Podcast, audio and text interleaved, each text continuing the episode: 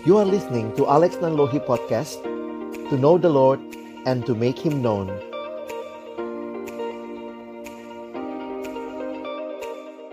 Teman-teman, sehabis ini Kak Vivi dan Kak Yuni akan menceritakan pengalaman atau kondisi yang mereka alami dan kiranya cerita atau kesaksian mereka juga bisa menjadi kesempatan kita merefleksikan bagaimana Tuhan mengingatkan kita. Aku kembalikan ke Cai.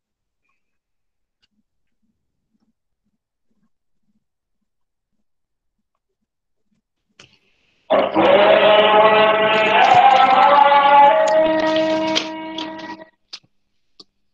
kasih Kore untuk renungan yang disampaikan.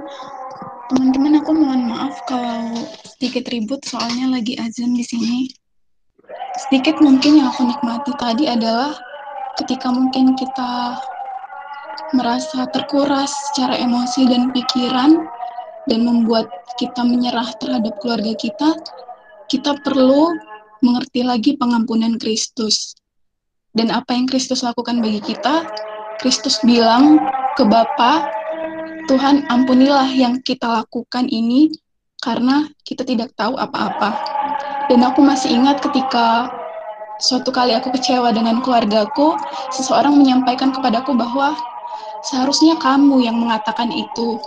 Seharusnya kamu bisa membela ayahmu, ibumu, keluargamu di depan Allah seperti Kristus membela kamu di depan Allah.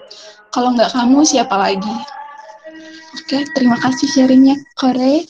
Nah, sekarang kita akan dengarkan sharing dari Kak Vivi kepada Kak Vivi. Halo Kak Vivi. Kepada Kak Vivi aku persilakan. Halo, Say. Halo. Ya, makasih.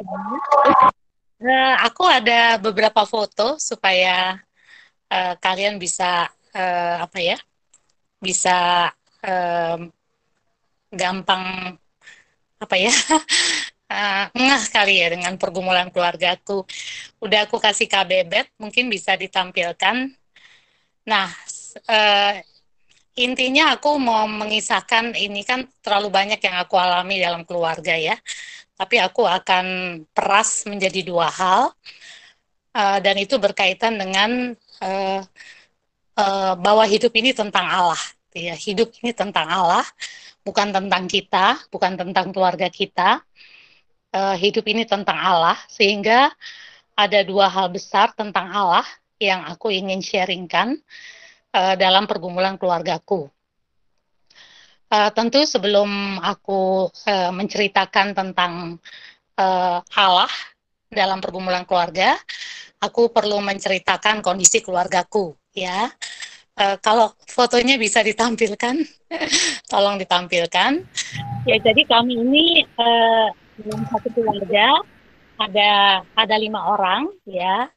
Uh, ibu saya, mami saya, mami saya itu sudah lumpuh sejak tanggal 2 November 2011. Jadi kalau sampai hari ini uh, hampir uh, 9 tahun lah ya nanti 2 November 9 tahun uh, beliau lumpuh gitu ya. Dan juga sudah demensia juga ya jadi udah lupa. Bahkan berapa tahun terakhir ini udah uh, tidak hampir tidak pernah bicara. Paling kalau dia kesakitan baru dia bilang eh gitu ya. Jadi uh, uh, dulu mami tuh cerewet sekali begitu ya dan saya kadang kesal dengan kecerewetannya. Tapi beberapa tahun terakhir ini saya merindukan kecerewetannya karena dia hampir tidak pernah bicara ya kecuali kalau dia kesakitan atau apa begitu.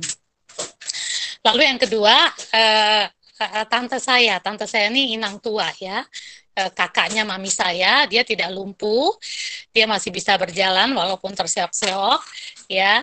Tapi eh, tante saya juga sudah demensia ya jadi kalau dulu dia sangat menolong kami ya membantu pekerjaan di rumah tapi sekarang udah nggak bisa bahkan sekarang uh, kalau mandi harus kami mandikan ke kamar mandi kemudian uh, sudah pakai pampers dua kali sehari kalau mami empat kali ya supaya tidak luka pantatnya karena tidur terus kemudian ya udah seperti uh, balita ya sudah seperti balita yang uh, jalannya mesti diperhatikan supaya tidak jatuh. Kemudian yang ketiga uh, ada adik saya ya namanya Joni. Uh, dia umur 2 tahun, tiga tahun, waktu waktu umur 2 tahun atau tiga tahun dia jatuh. Jadi ada fungsi otaknya yang rusak sehingga dia tidak bisa belajar. Dia cuma uh, bisa menikmati musik, menikmati film, tapi yang logika-logika gitu dia nggak nggak bisa, makanya dia nggak bisa sekolah. Kemudian yang terakhir itu adik saya Timi ya, Timi itu uh, sejak uh, papi kami meninggal tanggal tanggal 11 Mei 11 iya benar. Tanggal 11 Mei 1999 ya itu itu menurut psikiaternya katanya itu hanya faktor pencetus ya. Uh, dia mengalami depresi dan uh, apa uh, sudah halusinasi juga. Ya jadi uh, empat orang itulah saya hidup bersama dengan mereka. Ya, saya menyebut mereka empat pasienku gitu ya. empat pasienku. Dan saya dibantu dengan ada seorang ibu uh, namanya Ibu Nani ya. Ini dia lagi ada di depan lagi nyuapin mami saya ya. Hari Senin sampai hari Sabtu uh, Ibu Nani masuk. Tapi kalau hari Minggu saya full yang mengurus semua dari awal sampai akhir untuk empat pasien ini. Nah, itu ya. Nah, eh, yang saya mau ceritakan tentang Allah, yang pertama adalah dalam pergumulan keluarga saya, saya sangat menikmati Allah kesempurnaan kasih Allah mengasihi anggota-anggota keluargaku. Sekalipun eh, mereka cuma bisa menerima kasih, tidak bisa memberi, ya. Eh, maksudnya saya tidak bisa mengharapkan suatu saat adikku bisa menjadi seorang pembicara, suatu saat adikku bisa menjadi seorang MC. Nah, itu saya uh, mimpi kali ya tanda kutip bisa uh, punya uh, harapan seperti itu. Jadi mereka ini empat orang yang uh, cenderung hanya menerima, menerima, menerima, menerima, kurang bisa memberi gitu ya. Bahkan untuk uh, misalnya kalau ada lampu mati di rumah begitu ya eh, nggak bisa mereka melakukan sesuatu gitu ya. Mereka cuma bilang uh, pik ya saya di rumah panggil pipik ya. Lampu mati gitu ya. Maka yang beli saya yang masang saya naik tangga walaupun saya takut ketinggian saya harus memberanikan diri gitu ya.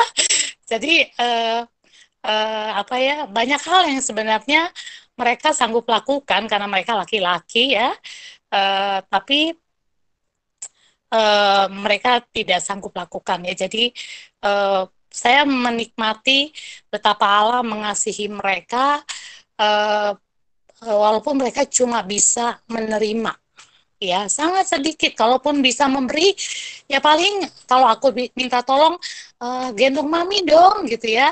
Itu pun sambil marah-marah gitu ya. Walaupun akhirnya digendong. Ya bisa dihitung sama jari lah ya. Uh, mereka bisa memberi untuk uh, kami gitu ya. Bisa menolong ya. Jadi tapi dalam hal itu saya sangat menikmati betapa kasih Tuhan itu sempurna, bukan hanya untuk mereka yang suatu saat bisa melayani Tuhan, bisa uh, memberi banyak untuk Tuhan, tapi kepada mereka yang uh, powerless, kepada mereka yang uh, invalid ya, yang mungkin kalau orang dunia mengatakan uh, nggak nggak berguna nih gitu ya, tapi saya sangat merasakan betapa Tuhan mengasihi uh, mereka dengan sempurna ya. Itu yang pertama ya. Yang kedua uh, saya menikmati kuasa Allah kuasa Allah yang sangat sempurna di dalam pergumulan keluarga saya ya. Um, saya pernah berpikir gitu ya Tuhan karena kan saya menghayati bahwa keluarga itu harus melayani Tuhan ya. Tapi saya berpikir, Tuhan, pelayanan apa yang bisa dilakukan oleh anggota keluargaku begitu ya? nggak bisa uh, boro-boro jadi MC gitu ya. apa ya uh, untuk hal-hal kecil aja mereka susah begitu ya uh, tapi saya rindu sekali keluarga saya bisa menjadi keluarga yang melayani Nah, lalu satu kali waktu saya um, menikmati uh, firman dari uh, kisah Lazarus, ya Lazarus yang dibangkitkan oleh Tuhan, entah kenapa ya Tuhan seperti memberikan insight yang sangat indah begitu ya. Sampai pada waktu itu saya berpikir, ih Tuhan Lazarus yang mati aja, ya kalau orang mati kan nggak bisa jadi MC kan, Orang mati kan nggak bisa jadi pembicara kan? Orang mati kan nggak bisa jadi seksi perlengkapan kan? Ya mati gitu ya. Tapi ternyata uh, Lazarus yang mati bisa membuat Tuhan Yesus, kemuliaan Tuhan Yesus tersebar sampai ke mana-mana ketika Tuhan Yesus bangkitkan dia. Yang saya lihat tuh kepasifannya Lazarus. Lazarus do nothing. Lazarus tidak melakukan sesuatu, tetapi Tuhan melakukan sesuatu bagi Lazarus. Sehingga kebangkitan Lazarus justru mempermuliakan nama Tuhan. Nah, waktu saya saat teduh itu saya seperti diberikan harapan oleh Tuhan. Iya ya Tuhan, sebenarnya dalam kepasifan uh, keluargaku, dalam kepowerlessan keluargaku, ketidakberdayaan keluargaku, keluargaku dibandingin Lazarus yang mati, mereka masihlah berdaya walaupun uh, tidak signifikan ya. Tapi ya namanya orang masih hidup pasti bisa melakukan sesuatu walaupun sangat minim gitu ya. Kalau kalau Lazarus saja yang benar-benar nggak bisa berbuat sesuatu karena mati, itu bisa mempermuliakan nama Tuhan dalam kepasifan yang sempurna, tetapi Tuhan Yesus aktif. Sehingga akhirnya Lazarus bisa mempermuliakan nama Tuhan. Nah itu menjadi inspirasi doaku ya. Saya bilang Tuhan uh, muliakanlah namamu dalam kepowerlessan keluargaku. Dan uh, saya mulai melihat ya Tuhan menjawab doa. Yang pertama uh, uh, Tuhan apa ya minimal ada dua tetangga gitu ya Tuhan bagiku bukan kebetulan ya. Dua tetangga ini uh, cerita sama dan aku mendengarnya secara langsung uh, bahwa uh, keluarga kami yang sangat bermasalah ini ya yang mungkin dari kacamata manusia nggak punya harapan masa depan ternyata itu menguatkan mereka. Ya jadi ada dua tetangga kami yang punya pergumulan yang tidak ringan ya dan ternyata uh, mereka itu uh, apa ya dikuatkan oleh pergumulan keluarga kami ya. Sehingga uh, kalau anaknya mengeluh gitu ya mamanya langsung bilang tuh lihat tuh si pipik tuh. Walaupun uh, pergumulannya apa mereka sih nggak nggak kenal istilah pergumulan ya. Walaupun masalahnya uh, jauh lebih besar gitu ya tapi uh, jarang mengeluh gitu ya. Nggak pernah mengeluh. Aku memang nggak pernah cerita ke mereka. Aku biasanya kalau mengeluh mengeluh tuh dalam doa ya. Sampai nangis nangis begitu ya. Tapi kalau keluar biasanya kalau udah curhat sama Tuhan udah lega begitu ya. Jadi udah udah nggak ada beban begitu ya. Yang nggak ada lagi yang perlu dikeluhkan begitu ya. Nah, jadi uh, mereka dikuatkan ya oleh pergumulan keluargaku. Demikian juga keluarga keluarga kami, keluarga besar kami ya. Mereka itu juga uh, dikuatkan uh, dalam masalah-masalah yang mereka hadapi uh, untuk mereka tetap kuat karena mereka melihat kami kuat begitu. Ya, jadi aku bersyukur sih ya. Dan itu juga bisa menjadi jalan untuk aku uh, dengan sederhana aku mengatakan sebenarnya karena Tuhan sih aku begini, begitu ya. Dengan sederhana aku bisa uh, punya akses uh, menceritakan itu kepada mereka. Itu yang pertama. Terus yang kedua bersyukur gitu ya, walaupun mungkin uh, uh, apa ya. Uh, yang kedua itu uh, Eh, dari dana gitu ya. Saya uh, uh, kalau misalnya ada uh, apa berkat gitu ya berkat untuk keluarga. Kan saya tiap bulan memang selalu memberikan kepada adik saya karena dia nggak karena dia nggak bisa bekerja kan. Jadi saya tiap bulan selalu uh, kasih dia uh, sekian untuk ditabung begitu ya. Untuk ditabung tante saya juga saya kasih untuk ditabung ya Jadi kalau ada kebutuhan-kebutuhan uh, people in it ya orang-orang yang susah, biasanya saya diskusi sama mereka. Gimana kita mau bantu mereka nggak? Atau misalnya ada uh, apa ya? Ada berkat bersama ya. Kalau dulu tuh kami dapat dapat hadiah motor begitu ya dapat hadiah motor lalu saya diskusi ya sama adik saya lah Timi lah Timi yang masih bisa diajak bicara kalau Joni nggak bisa e, gimana nih tim e, aku nggak bisa naik motor dan aku nggak pengen naik motor kau juga nggak mau naik motor gimana kalau kita persembahkan ke perkantas gitu ya dan bersyukur ya walaupun dia mungkin depresinya membuat dia self oriented, self-centered, berpusatkan kepada diri. Tapi kalau saya ajak diskusi seperti ini, dia sangat terbuka. Oh, boleh juga, boleh juga gitu ya. Akhirnya kami persembahkan ke perkantas gitu ya. Dan itu ada beberapa kejadian kami uh, saweran gitu ya, saweran untuk uh, persembahan pelayanan atau untuk membantu orang-orang yang memerlukan. Dan itu yang kedua. Yang ketiga, uh, walaupun mereka uh, apa ya tidak bisa uh, berdoa yang indah begitu ya. Tapi saya selalu melatih mereka untuk kalau ada pergumulan berat baik tentang pelayanan atau uh, tentang pergumulan keluarga besar ya, ada masalah apa, itu uh, kami berdoa bersama. Ya, jadi uh, dengan kata-kata yang mungkin uh, uh, apa adanya, ya uh, uh, saya libatkan mereka untuk berdoa. Lalu yang terakhir ini mujizat-mujizat juga ya. yang terakhir itu kan uh, adik saya suka pinjam handphone saya ya. Uh, ternyata dia suka baca uh, renungan hariannya dari gereja Katolik. Jadi ada sepupu kami suka kirim karena dia uh, calon pastor uh, suka kirim renungan harian yang namanya Sendal Seribu gitu ya. Dan memang beberapa kali saya baca bagus ya. Ya jadi ternyata uh, perenungan Alkitab dari Gereja Katolik lumayan bagus juga begitu ya. Dan saya baru uh, tahu belakangan ternyata kenapa ya dia selalu pinjam handphone saya gitu ya pinjam dong handphonenya ternyata dia kirim itu dia kirim renungan uh, apa uh, harian itu atau kalau ada yang dia lihat dari uh, apa gitu di handphone yang bagus-bagus gitu ya dia kirim gitu ke keluarga besar kami ya. Jadi uh, secara apa ya saya pikir kok adik saya jadi lebih uh, berani begitu ya.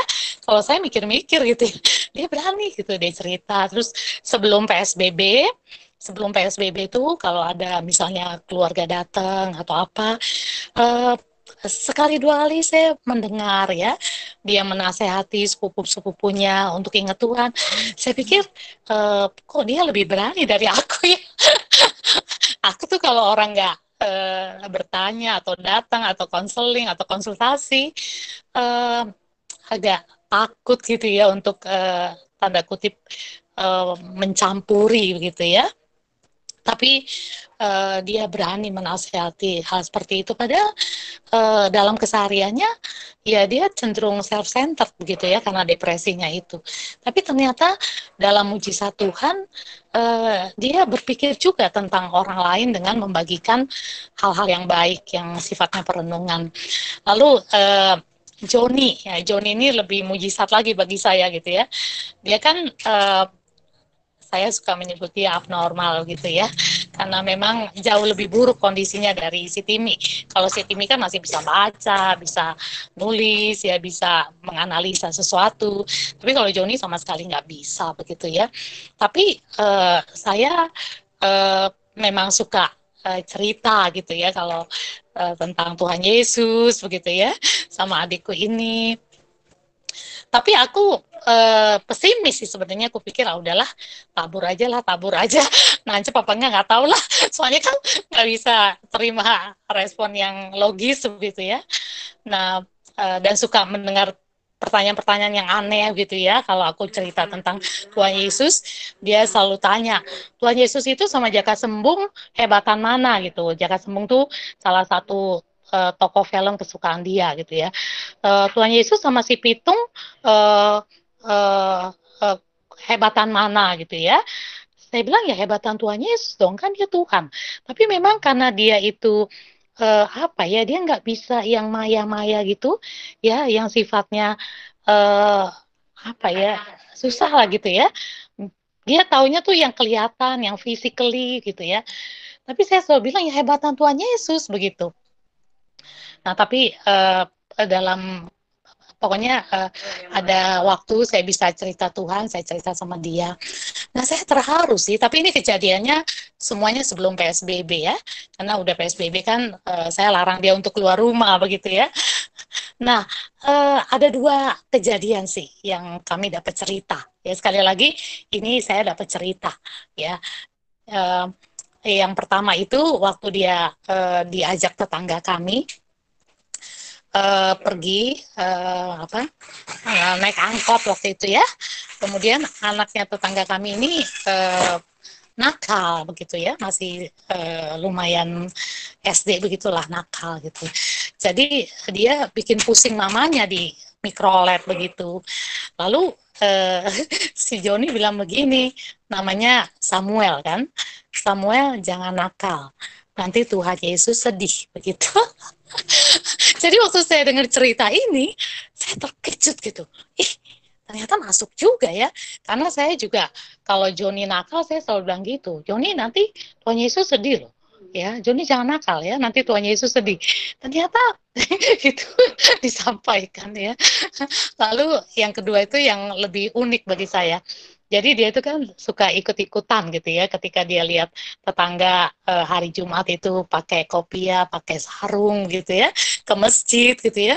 Dan dia juga mau gitu apalagi mirip pitung kan, pakai sarung, pakai kopiah mirip pitung gitu. Jadi dia seneng gitu. Dan awalnya saya rada takut, aduh ini ke masjid takut juga gitu takut dengan imannya gitu ya tapi ya sudahlah Tuhan pasti lindungi gitu ya lalu dia pergi ke masjid. Lalu belakangan saya dengar dari uh, orang yang ada di sana menyampaikan ih si Joni lucu deh. Waktu uh, ngumpul-ngumpul gitu ya tentu habis sholat ya. Uh, ketika saya nggak tahu percakapannya apa gitu ya. Tapi yang disampaikan kepada saya si Joni bilang iya Allah gue namanya Tuhan Yesus. Begitu itu di tengah kerumunan orang-orang yang uh, baru selesai sholat begitu ya jadi uh, apa ya Eh, ternyata Tuhan juga bisa memakai yang powerless untuk menyampaikan sesuatu tentang Tuhan. Ya, jadi itu ada empat hal yang saya nikmati dari kuasa Allah. Yang pertama dalam kepasifan kami, kami bisa dalam kepowerlessan keluarga kami bisa menguatkan mereka yang dalam kesulitan. Yang kedua uh, bisa melakukan sesuatu ya baik dalam bentuk persembahan dana bersama uh, berdoa bersama dan juga eh, PI ya dalam kapasitasnya mereka. Yaitu empat. Dan saya mau tutup dengan satu hal bahwa apa yang paling saya nikmati dari Tuhan uh, melalui pergumulan keluarga saya. Saya paling menikmati Tuhan membentuk kasih yang tak bersyarat ya terhadap keluarga gitu ya. Karena ya uh, ya apa ya kadang kesal. Karena Joni suka teriak-teriak begitu ya.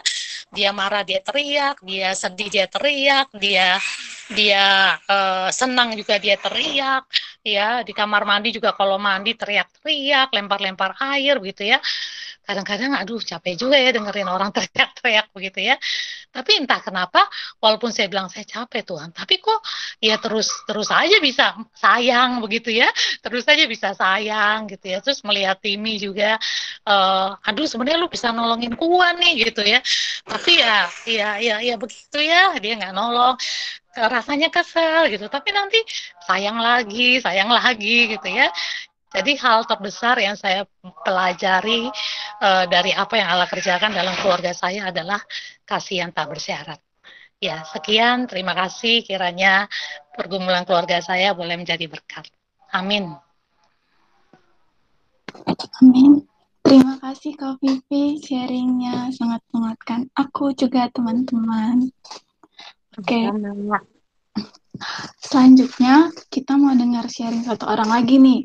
Kalau tadi Kore dan Kak Vivi dari Nih Pak UI, sekarang kita mau dengar dari kakak kita yang cantik dari alumni UKI. Halo Kak Ayuni, silakan. Halo, halo Cai, suaraku jelas kan ya? Jelas Kak.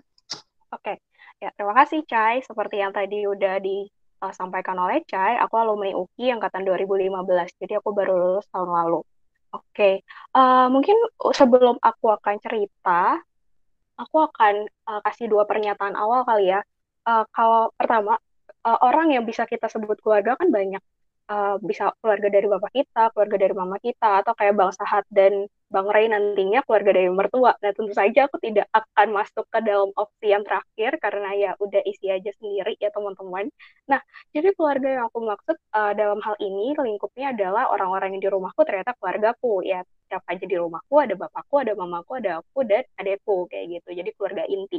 Nah yang kedua adalah uh, aku sangat menyadari aku adalah murid dan terbatas untuk bisa mengasihi keluargaku dengan benar, dengan sempurna. Karena itu aku harap uh, ceritaku hari ini tidak mengecewakan teman-teman. Mungkin ekspektasinya yang tinggi banget karena aku menyadari aku masih sangat terus bergumul untuk mengasihi keluargaku dengan benar. Kayak gitu. Oke, okay, aku akan mulai ceritaku. Uh, teman-teman, di sini ada yang lagi nonton drama It's Okay Not to Be Okay, yang lagi ongoing di Netflix. Ada nggak? Boleh share di room chat. Oke, okay, Abed. Ya, aku juga lagi nonton drama itu, bukan literally saat ini lagi nonton ya, karena aku saat ini lagi cerita sama teman-teman. Aku suka banget sama drama itu karena uh, ceritanya, ceritanya menarik dan uh, ada beberapa scene dan dialog dari drama itu yang aku suka. Tapi nyatanya meskipun aku suka dari beberapa suka sama scene dan beberapa dialog di drama itu, ada beberapa scene dan juga beberapa dialog yang membuat aku sedih cukup lama. Nah, salah satu scene dan dialog yang uh, membuat aku sedih cukup lama adalah ketika si sahabatnya tokoh utama uh, bilang kayak gini ke tokoh utama itu. Kamu pengen ya ibumu menyesali karena uh, telah memperlakukanmu dengan buruk waktu kecil. Nah, uh, kenapa bagiku scene itu begitu emosional selain karena artisnya menjiwai dengan sangat baik perannya, pertanyaan itu juga pertanyaan yang pernah ditanyakan kurang lebih sama oleh PKTB ku waktu aku masih kuliah uh, teman-teman, saat ini setelah lulus, tentu saja aku tidak pengen keluargaku punya penyesalan apa pun terhadapku saat ini. Tapi lain cerita, kalau ditanya waktu aku sekolah, waktu aku SD, SMP, SMA, sampai kuliah, aku merasa ada banyak hal yang hmm, yang gak aku suka yang dilakukan keluargaku, orang tuaku dan adikku kepada aku.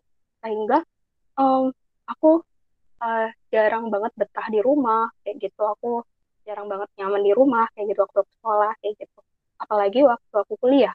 Uh, waktu aku kuliah kan aku jadi pengurus PMKJ dan orang tua aku tidak mendukung keputusanku sama sekali untuk jadi pengurus PMKJ akhirnya karena keputusanku itu uh, orang tuaku uh, jadi banyak banget sih konflik dengan orang tuaku pada saat aku kuliah. Dan menurutku ketika aku di rumah uh, ada banyak hal-hal sepele yang bisa jadi masalah besar kayak gitu di rumah. Dan itu sangat membuatku tidak nyaman untuk di rumah dan membuatku uh, ketika harus pulang ke rumah itu jadi momen-momen yang apa ya momen-momen yang sulit momen-momen yang berat. Karena aku udah ngebayangin nih nanti di rumah pasti gue disuruh-suruh pasti gue lebih disuruh-suruh daripada di gue gue pengen nyantai gue pengen uh, istirahat kayak gitu kan minggu di rumah. Uh, tapi nggak bisa sering kali nggak bisa waktu kuliah kayak gitu. Dan aku ngedumel aja gitu kan pada saat itu. Dan aku ngerasa kayak tuh kan gue jadi pengurus PMKJ malah jadi disuruh-suruh lebih banyak daripada orang daripada adikku kayak gitu. Dibanding adikku yang kayaknya lebih nyantai kayak gitu kan. Karena mereka karena dia nurutin orang tua aku kayak gitu. Itu menurut aku waktu aku kuliah. Nah teman-teman sebagai murid uh, aku tentu saja mendoakan hal ini di hadapan Tuhan. Aku ingat aku mulai mendoakan keluarga aku tahun 2016 itu berarti tahun kedua aku kuliah.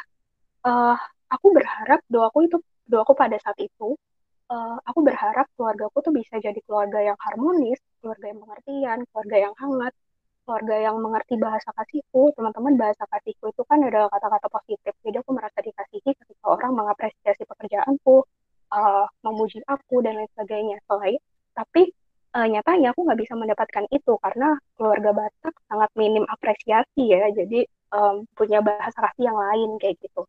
Nah, uh, aku ingat banget justru ketika aku mendoakan itu terus-menerus di hadapan Tuhan dalam momen-momenku berdoa malam, uh, Tuhan nggak melakukan seperti apa yang aku inginkan teman-teman. Aku ingat banget Tuhan nggak pernah uh, menunjukkan bahwa keluargaku berubah setelah itu. Enggak. Bahkan sampai saat ini pun aku juga nggak terlalu melihat perubahan yang ada dalam diri keluargaku.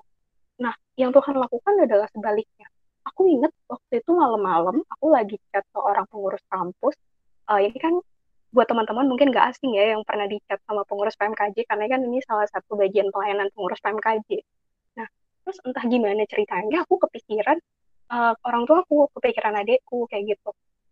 Aku terus aku mikir kayak gini, kok gue bisa ya melakukan segala cara, uh, mengusahakan segala cara untuk ngejar-ngejar uh, pengurus kampus ini, ngejar-ngejar kakak gue untuk nanyain kabar segala macam.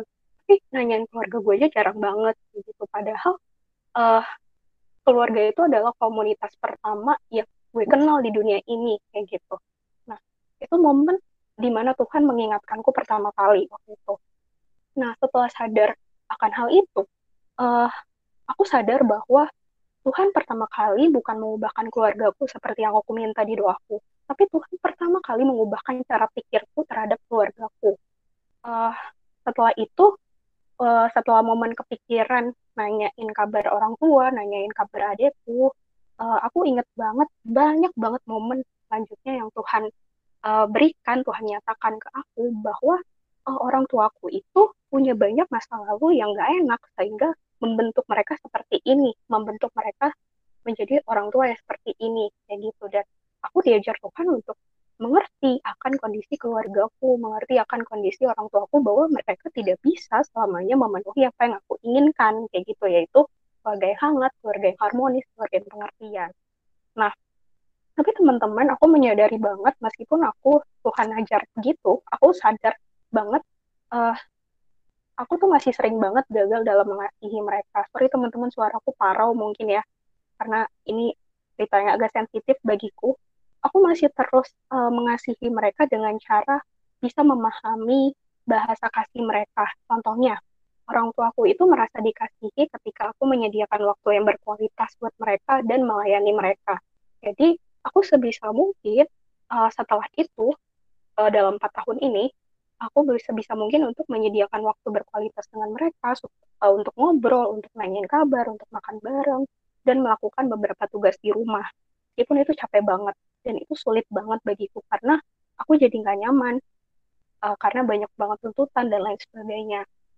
Nah, tapi aku sadar banget sih, aku masih terus-menerus uh, dalam praktiknya sering banget gagal dalam hal ini karena aku masih sering ada ngedumel dalam hati dan masih gagal juga dalam menjawab mereka dengan penuh kasih. Aku sering banget ngejawab mereka dengan ketus juga kayak gitu. Nah, teman-teman, selama hampir empat bulan di rumah ini, tentu aja ada banyak konflik juga yang terjadi. Karena kan di rumah aja gitu kan. Terus ditambah juga um, ada satu kejadian yang sangat gak enak yang baru-baru ini terjadi dan uh, membuat keluarga kami sedih banget sih. Itu ter itu kayak apa ya? Kayak aku nggak tahu gimana ceritanya Tuhan bisa melakukan hal itu kepada keluargaku dan itu gak enak banget bagi kami kayak gitu Nah, tapi justru melalui kejadian yang sangat nggak enak itu, Tuhan malah makin mengajarkan aku untuk melihat bahwa keluarga aku emang sangat nggak sempurna. Dan justru untuk itulah aku dipanggil untuk mengasihi mereka. Nah, justru melalui kejadian yang nggak enak itu, uh, malah makin banyak interupsi-interupsi yang aku alami.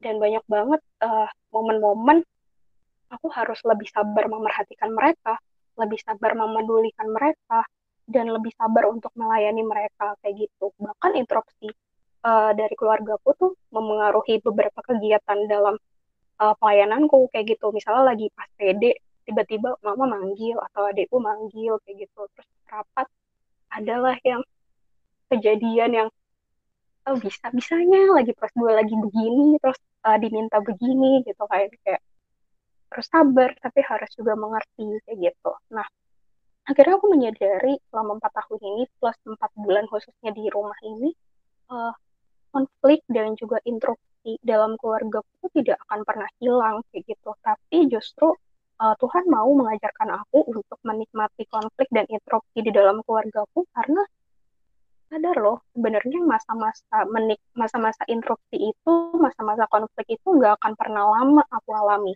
Karena bisa aja ada kejadian di mana uh, orang tuaku lebih dulu dipanggil daripada aku atau aku lebih dulu dipanggil dari orang tuaku atau mungkin adikku pindah keluar kota aku nanti ikut suami ke mana kayak gitu kan. Jadi ini semua nggak bertahan lama.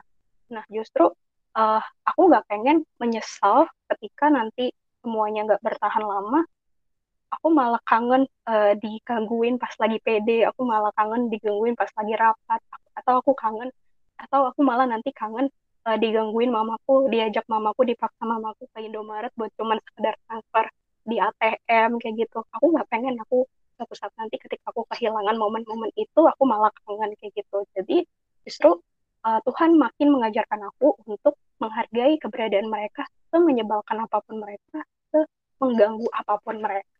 Gitu teman-teman. Terima kasih. Sekian sharingku hari ini. Silakan Cai Terima kasih buat Kak Ayu nih sharingnya. Sama-sama, Cai. Oke, teman-teman. Sekarang kita masuk sesi tanya jawab ya.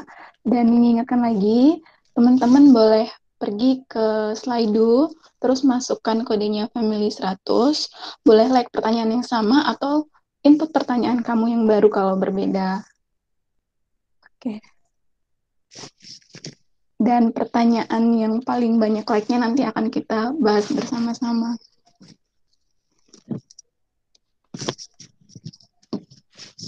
Uh, Oke, okay.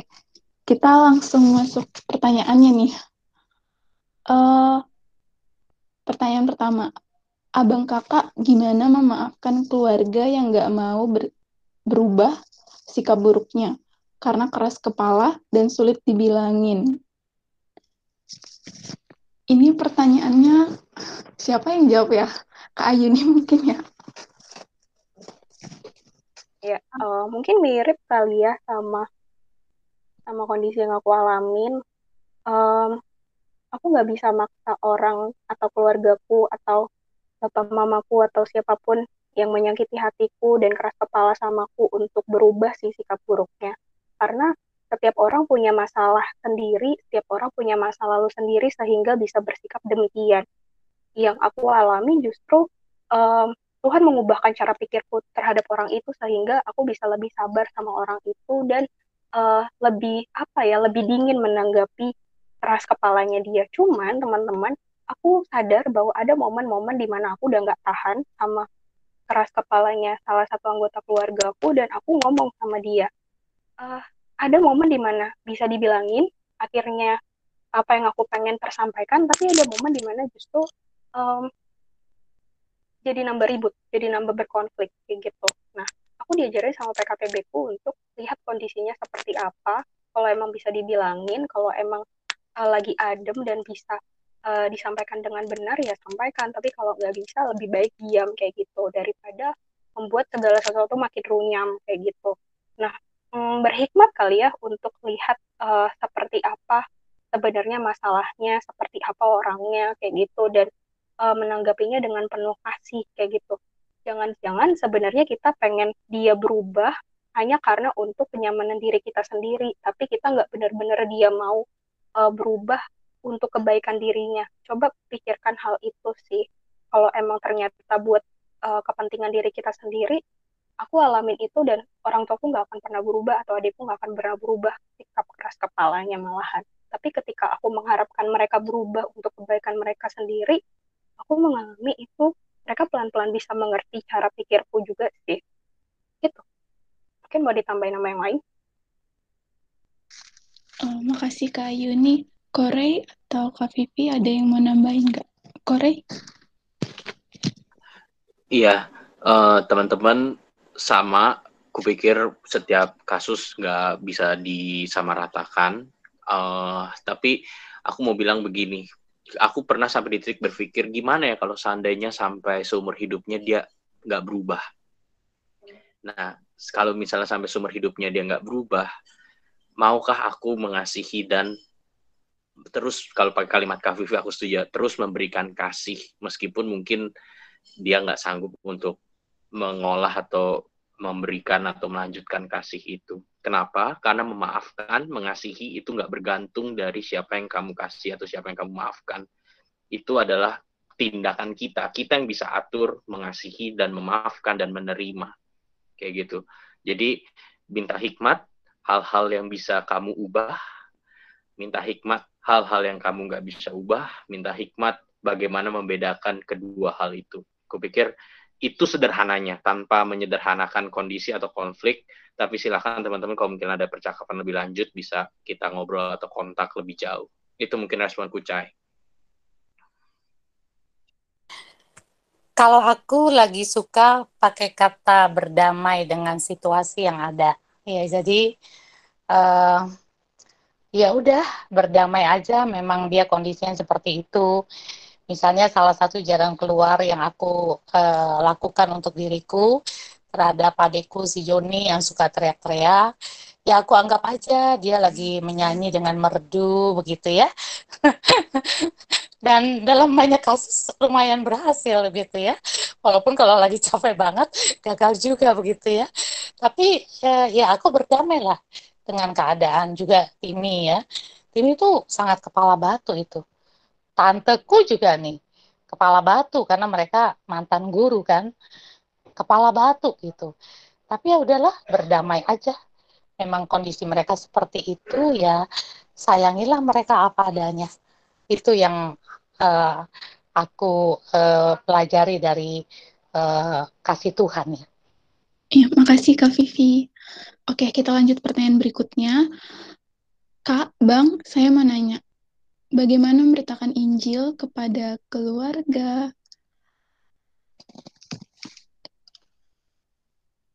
Gimana memberitakan Injil kepada keluarga yang belum percaya kepada Tuhan? Uh, Kak Vivi mungkin ya yang lebih cocok untuk jawab. Semuanya cocok kali deh. Oh, iya. Kalau aku sih uh, uh, apa ya? Uh, storytelling eh apa telling story apa apa ya? Ya itulah istilahnya ya. bercerita ya, misalnya uh, belakangan ini karena demensia kali ya.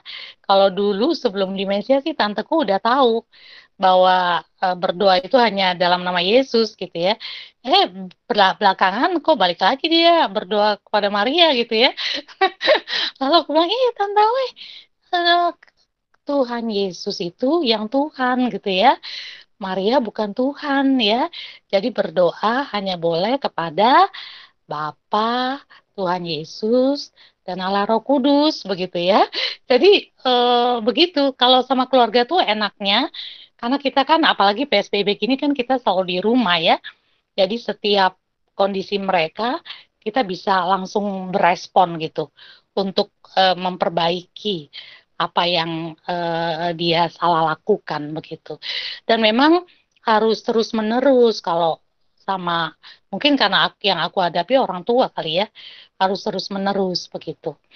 Uh, kalau untuk keluarga besar aku agak uh, kurang berani ya. Seperti tadi yang aku sharingkan Timi lebih berani karena memang orang Katolik itu sangat sangat sombong gitu ya. Merasa mereka lebih dulu dari Protestan gitu ya. Dan fundamentalismenya juga kuat.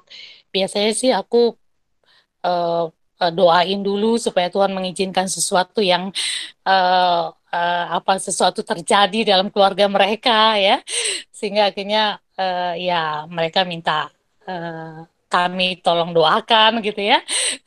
Jadi uh, mereka terbuka karena mereka juga anti terhadap Protestan gitu ya. Jadi biasanya kalau saya sih tunggu tunggu Tuhan lakukan sesuatu dan mereka terbuka begitu. Iya, kalau aku begitu. Gak tahu kalau Ray.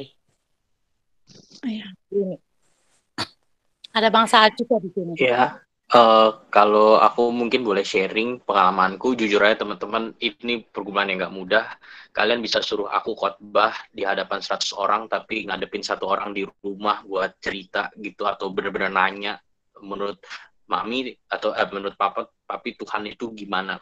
Keluarga aku udah keluarga Kristen kayak gitu ya, tapi uh, maksudnya aku ngeliat gini, ini yang beberapa hal yang pernah aku lakukan. Aku pernah menghadiahkan mereka buku kayak gitu ya. Uh, buku yang aku tahu bisa menolong mereka mengenal Tuhan kayak gitu.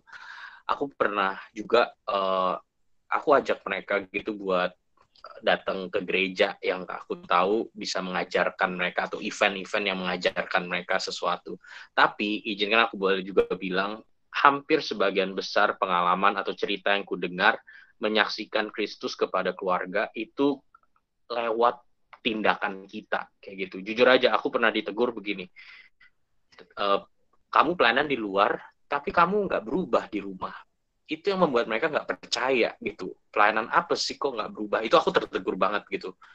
Akhirnya di situlah aku memutuskan aku tetap melayani tapi Tuhan yang aku layani itu seperti apa aku tunjukkan di dalam kehadiranku sebagai anak di rumah. Dan ternyata menurutku itu jalan yang lebih lebih jelas lebih clear lebih nyata buat mereka siapa sih Tuhan kayak gitu. Karena menurutku di kultur Asia kita seperti ini di tengah budaya yang kita punya rada sulit untuk kita come up dan datang dan bertanya maukah kamu percaya mah pak buat kepada Tuhan? Aku rasa mungkin nggak nggak banyak yang bisa seperti itu. Jadi kehadiranmu di rumah semakin kamu terlibat dalam pelayanan mengenal firman Tuhan semakin nyatakan itu di dalam rumah dalam hal yang paling sederhana bantuin mereka duduk ketika mereka komen sesuatu coba cari coba cari balasan atau obrolan yang membuat mereka melihat ada hikmat di dalam dirimu ada ada kasih yang dalam dirimu sehingga komentarnya begitu. Mereka mungkin nggak langsung nanya tentang Tuhan Tuhannya tapi mereka bisa melihat ada yang berbeda ketika anaknya mengikut Tuhan mengikut pelayanan mungkin atau ikut acara ini acara itu dan dari situ Tuhan bisa buka jalan buat setiap kondisi mereka bisa bertanya, minta tolong akhirnya ditolong minta pendapat atau diceritain sesuatu. Jadi mungkin itu itu pengalamanku, Cai. Ya, makasih Kore, Kak Vivi. Oke, lanjut pertanyaan berikutnya. Bagaimana cara mengatasi takut menikah karena khawatir rumah tangga kita akan menjadi sama persis seperti rumah tangga orang tua kita yang buruk. Kayaknya ini cocok buat yang sama mau nikah deh. Silakan Kore. Cai. Iya, teman-teman terima kasih empat orang yang bertanya hal ini. Itu persis yang aku tanyakan. Aduh Tuhan, nanti kalau aku sama kayak papa aku kayak gimana? Atau aku nanti sama kayak begini. Itu itu persis yang aku pikirkan. Itu persis yang aku uh, gumulkan kayak begitu. Tapi waktu itu aku belajar begini uh, memang sedikit banyak sadar gak sadar aku dibentuk sama kondisi keluargaku. Mungkin aku nggak suka cara mamaku marah, cara papaku marah, tapi sadar gak sadar ternyata aku marahnya mirip mereka. Aku mungkin nggak suka cara sikap mereka ngadepin ini, cara sikap mereka ngadepin itu, tapi ternyata sadar gak sadar, aku ternyata ngadepin sesuatu yang sama, responnya sama. Kenapa? Karena 20 tahun aku ngelihat polanya kayak begitu. Tapi ketika saya bilang sekarang saya dalam Kristus hidup baru, itu benar hidup baru. Artinya apa? Saya punya Bapak Surgawi, saya punya Tuhan yang sanggup membentuk saya bukan serupa orang tua saya, tapi serupa Kristus. Itu pengharapan saya. Sehingga saya bisa melihat begini, pola yang saya dibentuk mungkin 20 tahun, 22 tahun, di rumah seperti itu, itu bukan jadi suatu yang menakutkan akan menguasai diri saya atau membuat saya jadi kayaknya nggak berdaya, tapi sebaliknya itu jadi kesempatan saya punya cerminan, punya reminder bahwa itu bukan yang seharusnya, tapi dalam Kristus ini yang seharusnya. Jadi saya mau bilang teman-teman, pengharapanmu bahwa Tuhan membentukmu makin serupa Kristus itu nyata banget. Kenapa? Kita dicetakan orang tua kita banget dan jangan pikir semua cuma plus-plusnya doang yang nyetak, negatifnya juga kecetak. Tapi Tuhan yang sempurna di dalam Kristus, ketika kita percaya, kita lahir baru, hidup baru, itu benar bisa menuntun. Apakah berarti saya nggak harus berjaga-jaga? Harus berjaga-jaga banget justru malah harus semakin berserah, tiap hari makin ngecek hati, makin ngecek sikap. Karena itu itu itu bisa banget yang justru saya lakukan di pernikahan saya berikutnya. Berikutnya, maksudnya pernikahan ya yang kita semua akan persiapkan. Itu komentar Kucai. Terima kasih. Ya, makasih Bang. Mungkin ini pertanyaan terakhir ya dari seorang anak. Boleh agak naikin dikit Kak. Gimana caranya ngilangin perkataan menyakitkan yang pernah diucapkan sama orang tua anak setan seharusnya nggak dilahirin anak durhaka apakah masih ingat apakah masih ingat itu dendam oke okay. uh, siapa kira-kira yang mau jawab ya uh, kak Vivi kak boleh kak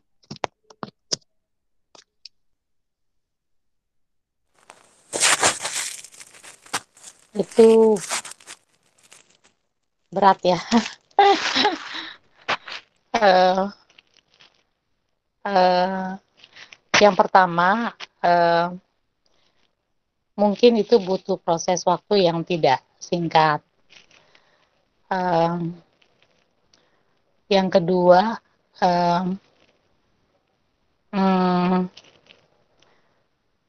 uh, yang kedua apa ya ya minta lah ya sama Tuhan ya doa sama Tuhan minta untuk bisa mengasihi keluarga.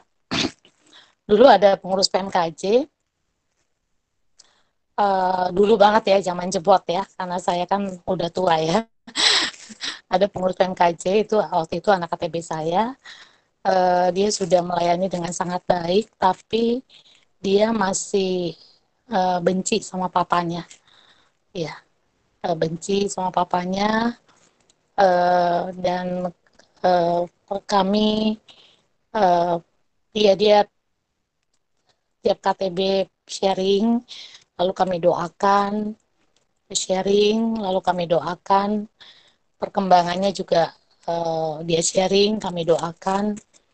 Uh, cukup lama ya tapi akhirnya menang ya, akhirnya menang. Akhirnya dia bisa uh, mengasihi papanya. Um, jadi uh, butuh komunitas juga yang bisa mendampingi. Dan mungkin kalau bisa uh, uh, ada seorang konselor ya konselor profesional di persekutuan kan uh, ada lah ya konselor-konselor profesional uh, staf perkantas juga uh, mulai ada yang sekolah khusus konseling ya. Uh, bisa konseling sama mereka karena mereka punya ilmu ya punya ilmu yang bisa menolong tahap demi tahap. Jadi secara spiritual itu doa dan punya teman uh, berdoa. Lalu uh, mungkin kalau yang kitab Filipi ya apa yang baik apa yang manis itu yang dipikirkan. Jadi uh, lawan dengan pikiran-pikiran yang positif. Ingat bahwa di balik kata kata-kata uh, tajam yang orang tua uh, berikan dan itu membekas begitu dalam banyak kok kebaikan-kebaikan orang tua yang sebenarnya bisa diingat gitu ya. Mungkin dengan mengingat hal positif itu bisa menolong. Dan yang keempat kalau memang sudah sangat sulit mungkin butuh bantuan seorang konselor. Ya jadi tentu konselor Kristen ya konselor Kristen kalau kamu kenal Kak Elizabeth uh, itu Saperkantas bisa konseling sama beliau ya itu yang uh, dari saya Makasih Kak Vivi. Uh, Oke, mungkin masih bisa satu pertanyaan lagi ya teman-teman. Ini terakhir karena jam kita juga udah 18.40. Bang, gimana kalau kita terus di posisi yang sama dalam menasihati orang tua kita yang berbuat nggak baik? Dibilangin terjadi lagi, dibilangin terjadi lagi. Uh, ini ini untuk siapa ya? Mungkin Kak Vivi ada jawaban enggak kak? Ya, uh, pertama memang bentuk kasih kita kepada orang tua berbeda ya dengan bentuk kasih kita kepada orang yang kita bina atau orang yang kita teman pelayanan. Mungkin uh, kepada orang tua kalau menasehati seperti guru menasehati murid, menurut saya sih agak sulit ya karena secara otoritas kan mereka lebih tinggi dari kita. Jadi yang pertama mungkin uh, diperhatikan bagaimana cara kamu menasehati, cara kamu menegur. Mungkin uh, cara menegur itu yang membuat mereka jadi enggak suka begitu ya. Walaupun mungkin tidak diutarakan. Nah ketidaksukaan itu justru bisa makin uh, mengeraskan hati begitu. Karena kesel kan gitu. Jadi mungkin perlu di, di dicek bagaimana cara uh, menegur kalau mungkin menegurnya sambil dipeluk-peluk dicium-cium mungkin uh, beda kali ya. Mereka merasakan kasih yang nyata. Uh, uh, itu. Jadi pertama mungkin perlu dilihat cara menegurnya. Jangan-jangan cara menegurnya itu yang justru membuat mereka makin keras begitu ya makin gengsi uh, untuk um, apa uh, ingin berubah. Terus yang kedua, memang uh, membutuhkan uh, uh, apa ya? Kita butuh kesabaran kali ya menghadapi uh, perubahan, apalagi orang tua ya. Orang tua itu kan sudah uh, kalau dari segi psikologi kan usia-usia pembentukan yang paling elastis itu kan masa-masa muda ya, masa-masa remaja, masa-masa mahasiswa. Itu eh, makanya kenapa pelayanan siswa mahasiswa itu penting, pelayanan sekolah minggu itu penting karena itu hati masih lebih muda untuk eh, eh, apa ya? berubah dengan cepat begitu. Tapi kalau sudah makin tua, memang uh, mungkin butuh selain mujizat Tuhan ya, butuh waktu yang lebih panjang dan itu menuntut kesabaran yang uh, lebih panjang juga begitu. Jadi uh, uh, ya itu ya uh, selain dan seberapa kadang-kadang kita rajin menasihati orang, tapi kita tidak rajin mendoakan begitu. Jadi uh, kekuatan penasehat itu hanya kekuatan manusia, tidak ada intervensi ilahi. Ya, jadi saya ingat kata-kata ODB ya, uh, uh, uh, kurang lebih seperti ini. ODB pernah menulis quote yang sangat indah. Ketika kita uh, uh, sulit memberitahukan tentang Tuhan kepada orang lain, itu termasuk menasehati ya maka uh, beritahukanlah uh, orang itu kepada Tuhan gitu jadi ketika kita melihat sangat mentok mungkin memang Tuhan mau kita lebih panjang mendoakan gitu. Lebih panjang mendoakan uh, tekun mendoakan sampai akhirnya melihat Tuhan mengubahkan. Jangan-jangan uh, uh, apa yang kita alami terhadap orang tua itu sebenarnya yang pertama Tuhan mau bentuk tuh kita, bukan orang tua kita, tapi kita. Supaya kita uh, apa ya makin tekun berdoa, supaya kita makin sabar, supaya kita mengerti cara menegur, cara menasehati orang tua, yaitu pendekatannya beda gitu ya, uh, dan hal. Gitu. Ya itu yang bisa saya sampaikan. Makasih banyak Kak Vivi.